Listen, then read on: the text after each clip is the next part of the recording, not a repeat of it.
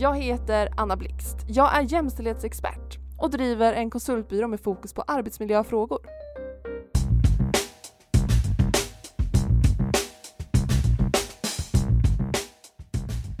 Vad är härskartekniker?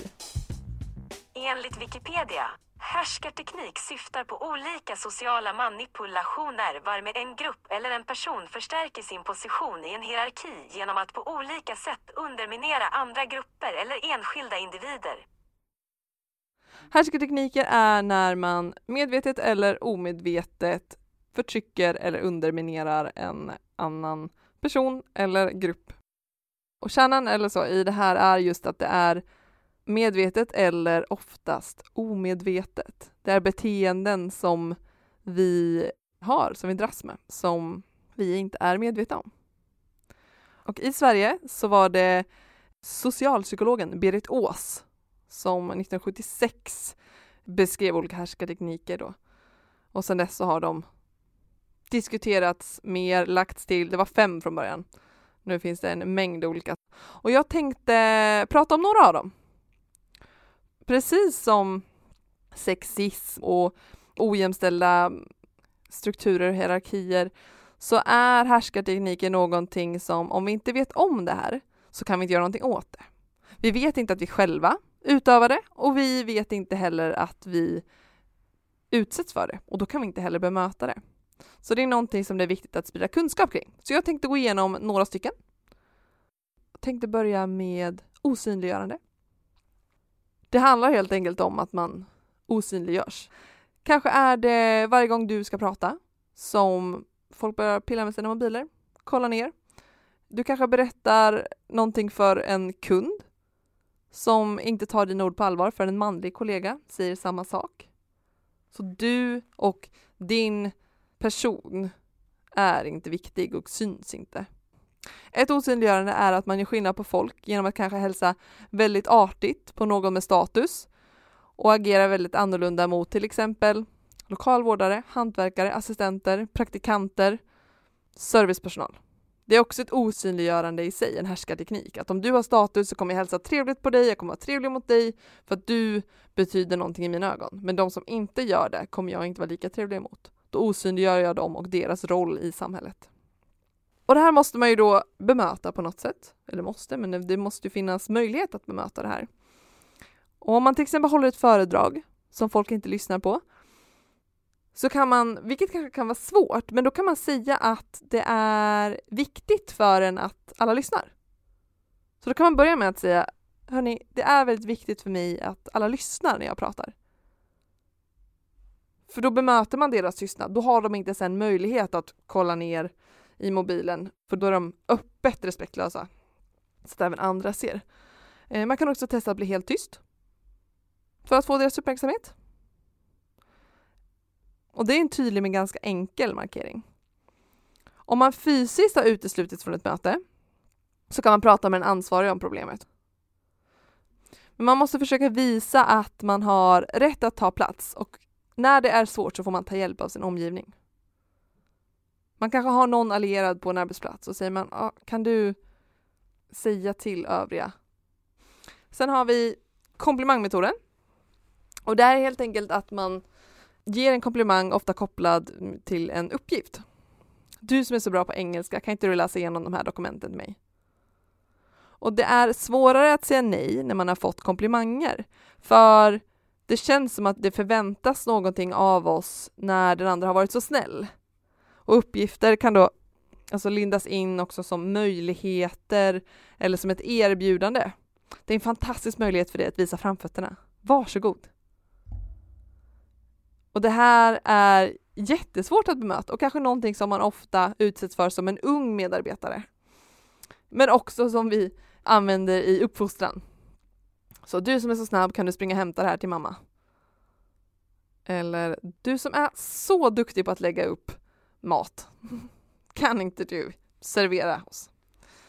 Och det här ska man då bemöta genom att spegla den här personen. Som ger då en komplimang. Så om den är glad och ger dig en komplimang följt av att den då ber om en tjänst. Så är man glad tillbaka, svarar med att tacka för komplimangen och säger att man tyvärr inte kan hjälpa till. Ska vi testa det här en gång? Nu har jag med mig producent Mattias här. Om jag säger till dig. Du som är så bra på att läsa genom dokument, kan inte du läsa det här åt mig och sammanfatta det lite kort? Okej. Ja men tack för att du tycker det. Men eh, nej tack, jag har annat att göra. Ja, det var jättebra. Så man tackar för komplimangen, tack så mycket, men säger nej tack. Sen har vi påförande av skuld och skam. Hur? Och när man utsätts för härskartekniker kan det ibland kännas som att man förtjänar det. Varför utsätts just jag och inte Göran, Emma eller Ali? Det känns som att det här är personligt jag har gjort något fel. Det kan också handla om otillräcklighet och att man inte känner att man räcker till varken kanske hemma eller på jobbet. Så det här är någonting som man liksom gör mot sig själv kan man säga. Och motstrategin här är att intellektualisera situationerna. Så då får man fundera på de situationer där man känner skuld och skam. Och så måste man liksom sätta det i ett större perspektiv. Finns det samhälleliga normer som påverkar förväntningarna på mig? Om jag som kvinna till exempel känner skuld i en viss situation så kanske jag ska fundera på om en man hade känt skuld i samma situation. Som alltså normer och förväntningar på oss olika människor, om det påverkar i dessa situationer. Och tänk på också att motsatt förhållande kanske inte är applicerbart. Eftersom män har makt och privilegier som kvinnor inte har. Om en man till exempel känner skam över att han har avbrutit en kvinna på ett möte och så funderar han på om kvinnan hade känt samma sak i det här fallet. Så bara, nej, en kvinna hade ju inte känt så i det här fallet, så då är det nog lugnt. Så är inte det samma sak eftersom att kvinnor generellt sett inte tar lika mycket utrymme i ett rum och att det kanske är en kvinna som väldigt sällan säger någonting som avbryter en man som väldigt ofta pratar. Så det här är också någonting som är viktigt att prata om för att i mötesrum eller i klassrum har man gjort flera studier på att när tjejer och killar pratar lika mycket så upplever både tjejer och killar att tjejerna pratar mer än killarna. För vi är så vana vid att killarna pratar mer. Så när tjejerna hörs lika mycket som killarna så går det emot det vi är vana vid att höra. Istället tror vi att det är en jämn fördelning av talutrymme när killarna pratar mer än tjejerna. För det är någonting vi är så vana vid. Sen kan det kanske handla om där det finns starka normer kring föräldraskap till exempel. Om en man känner någonting att han kanske har gjort fel i sin roll som pappa så kanske han kan tänka hade en mamma känt så här? Att där kanske det finns liksom olika förväntningar, så det är olika i olika situationer. Hos grupper som är förtryckta, vilket kvinnor är i samhället, så finns det en mycket större, vad ska man säga, själv, alltså att man beskyller sig själv för saker. För att vi inte förstår vad som är strukturer. Men det finns så många saker där kvinnor inte har samma då möjligheter och rättigheter som män. Och när man då går utanför den vanliga normen, som är då mycket snävare för vad en kvinna får och bör och förväntas göra. Kliver man utanför det så är det så lätt att man då ser ner på sig själv och sitt eget beteende. Att intellektualisera är då för att mildra skammen. Att man då ser att så här, aha, det här handlar inte om mig. Det handlar inte om att jag har gjort fel. Så det här är en självförvållad härskarteknik, att man gör det här mot sig själv. Och det här är liksom bara ett, en möjlighet att ta bort skammen från sig själv. Det är därför man måste intellektualisera och se det i ett större perspektiv. Sen har vi stereotypmetoden. Och det handlar om att man antar att någon kanske är bra på någonting eller har intresse för något baserat på en stereotyp. Att till exempel be en man fixa någonting tekniskt fast man inte har en aning om hur tekniskt lagd den här personen är. Eller kanske bjuda med kvinnorna på kontoret på en shoppingrunda för att de antas gilla shopping, men inte männen. Och det är alltså att man då stereotypiserar och man gör någonting, man agerar baserat på stereotyper snarare än kunskap om en person. Sen finns det också det här med att man ger ut arbetsuppgifter som i Maria, fixar du kaffet? Och inte då att så här, du som är kvinna, fixar du kaffet? Utan man ber en kvinna göra någonting. Eller en stereotyp kring kanske homosexuella män, att de tillfrågas om inredning. För att det är så här, men du Jonas, inte du som homosexuell man, men du Jonas, och i huvudet snurrade, som är intresserad av inredning för du är en homosexuell man. Och så ställer man de frågorna baserat på stereotyp snarare än att man känner en person och vet vad en person gör, vill, kan. Och motstrategin här, det är nyfikenhet. Och inte attackera på något sätt utan det kommer in en, ja men en man i ett rum och jag bara kan du koppla in den här åt mig? Så står det, så kommer det in en kvinna samtidigt kanske och jag bara frågar mannen. Och då kan man så, bara ren nyfikenhet, varför frågar du mig om det här? Du vet inte att jag är bra på det här eller? Så att man är nyfiken och, och bemöter frågan. En gång, vi var tre personer i ett rum, så kommer vår chef in och säger till mina manliga kollegor Hörni, vi måste bära lite grejer, skulle ni kunna hjälpa mig med det här på lunchen sen? Och så frågade jag dig, varför frågar du inte mig? Jag är skitstark. Jag är ganska smal ska tilläggas. Jag ser inte så stark ut. Men jag är jättestark. Jag är bra på att bära saker. Och han skruvar på sig och bara nej men jag tänkte jag bara men jag är jättestark, jag kan vara med. Nej, nej, nej, nej men det är ju inte för att jag nedvärderar dig för att du är kvinna. Jag bara nej, det, det har jag inte sagt. Men nu när du säger det så och då blev det så här, då insåg vi han att så här, men du kan vara med och bära. Så. så det är liksom bara att han säger det till dem för att de är män. Han tänker att de kan och vill bära. Men jag tycker det är skitkul att bära. Sen har vi, uh, jag kämpar med den här. Självförvållad härskarteknik. Alltså att nedvärdera sig själv i allmänhet. Jag kanske har fel men alltså det kanske inte är så viktigt men eh, eller jag gissar bara men eh, jag vet inte men eller att i relation till andra säga så här, du har säkert viktigare saker för dig men du vet säkert bättre än jag men och det är alltså en person som härskar över sig själv och att man då gör sig mindre då i relation till andra genom att till exempel kanske skratta nervöst, ha ett osäkert tonläge eller med sitt kroppsspråk. Jag kan säga att när jag säger det här så sitter jag med armarna, jag vet inte, viftar lite, ser ut som en liten fågelunge och man gör sig mindre än man är för att omgivningen inte ska känna sig hotad. Men också för att på något sätt föregå omgivningen. Så att jag är osäker i någonting och då vågar jag inte stå för det och då föregår jag omgivningen med att säga att nej, det kanske inte är rätt, men. Men jag kan bara se till mig själv och alla tillfällen i föreläsningssalar på universitetet. Alla de gånger som jag har suttit och trott mig veta svar på frågor, men inte vågat. Och sen är det alltid någon snubbe som räcker upp handen. Ofta är det någon som säger fel först, en snubbe som säger fel, och sen någon som säger rätt och sen har en utläggning om varför det är rätt och så vidare. Och jag har liksom aldrig vågat, för jag är så himla rädd för att ha fel. I sådana sammanhang.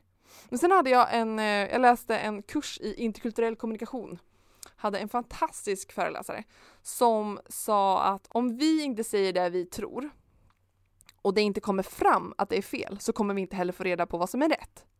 Så mycket frågor och så mycket påståenden som kom ut i det klassrummet gjorde att alla delade sen den rätta kunskapen. Eller man ska för ingen satt och höll inne på, kan det vara det här kanske?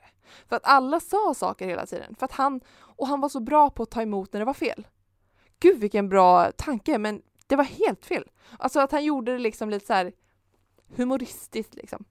Det här var väldigt mycket side-note faktiskt, för det hade inte riktigt med självförvållad härskarteknik att göra. En person som säger någonting med självförtroende blir inte skrattad åt eller blir inte fnissad åt. Men om man säger det på ett osäkert sätt och har fel så är det lättare att trycka ner. Också lättare att tolka andra personers reaktioner som någonting negativt. För att man redan själv är osäker och då tolkar man in. Man förminskar sina egna kunskaper. Det är därför också det finns ett uttryck som heter mansplaining. Och det handlar ju om någonstans ett självförtroende och att man ser en plats i samhället som så självklar. Det här är min givna plats. Jag får ta den här platsen. Och det är på samma sätt som ganska mycket side-note. Incels är män som anser sig ha rätten till kvinnliga kroppar och till sex. Att sex är en mänsklig rättighet. Det är en väldigt kvinnofientlig grupp män. Och att man då är beredd att våldta, man är beredd att köpa sex för att man ska få ha sex. Det jag menar här är att det finns en slags alltså ingjutet självförtroende i män, eller inte självförtroende men så här, att det är en given plats. Och ett liksom rättigheter som kvinnor inte anser sig ha. Och man tror att så här, de här sakerna är, det är min rättighet att stå och orera i ett klassrum. Räcker upp handen, har egentligen ingenting med saken att göra, men jag vill bara säga mina fina ord som jag kan.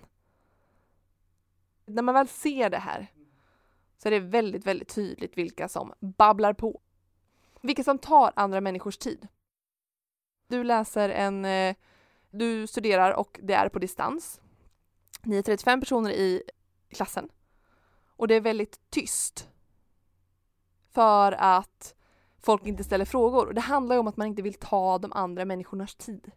Annars kan man tänka sig att oj, 35 personer, alla ska ställa frågor i liksom via datorn på online-lektioner. Men man vill ju inte ställa en onödig fråga så man är väldigt försiktig med frågor. Får jag eh, gissa på att det är högre andel tjejer än killar i klassen?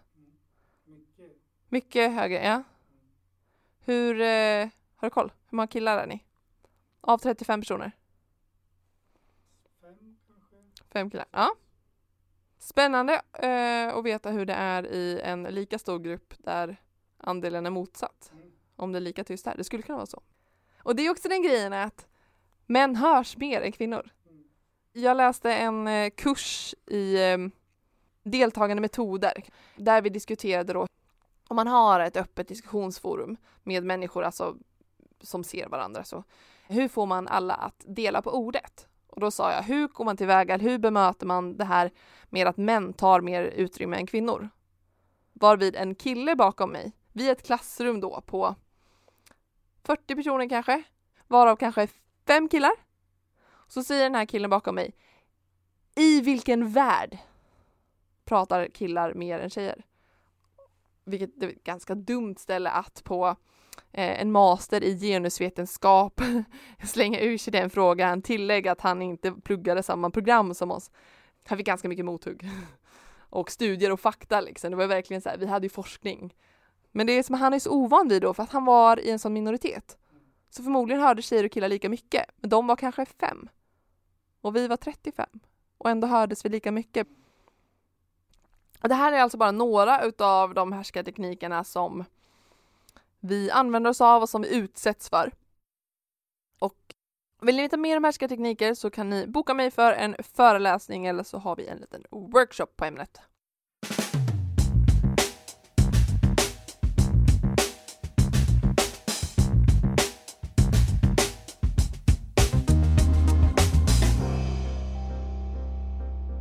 Du har hört ett avsnitt av podden Jämställt arbetsliv med mig Anna Blixt.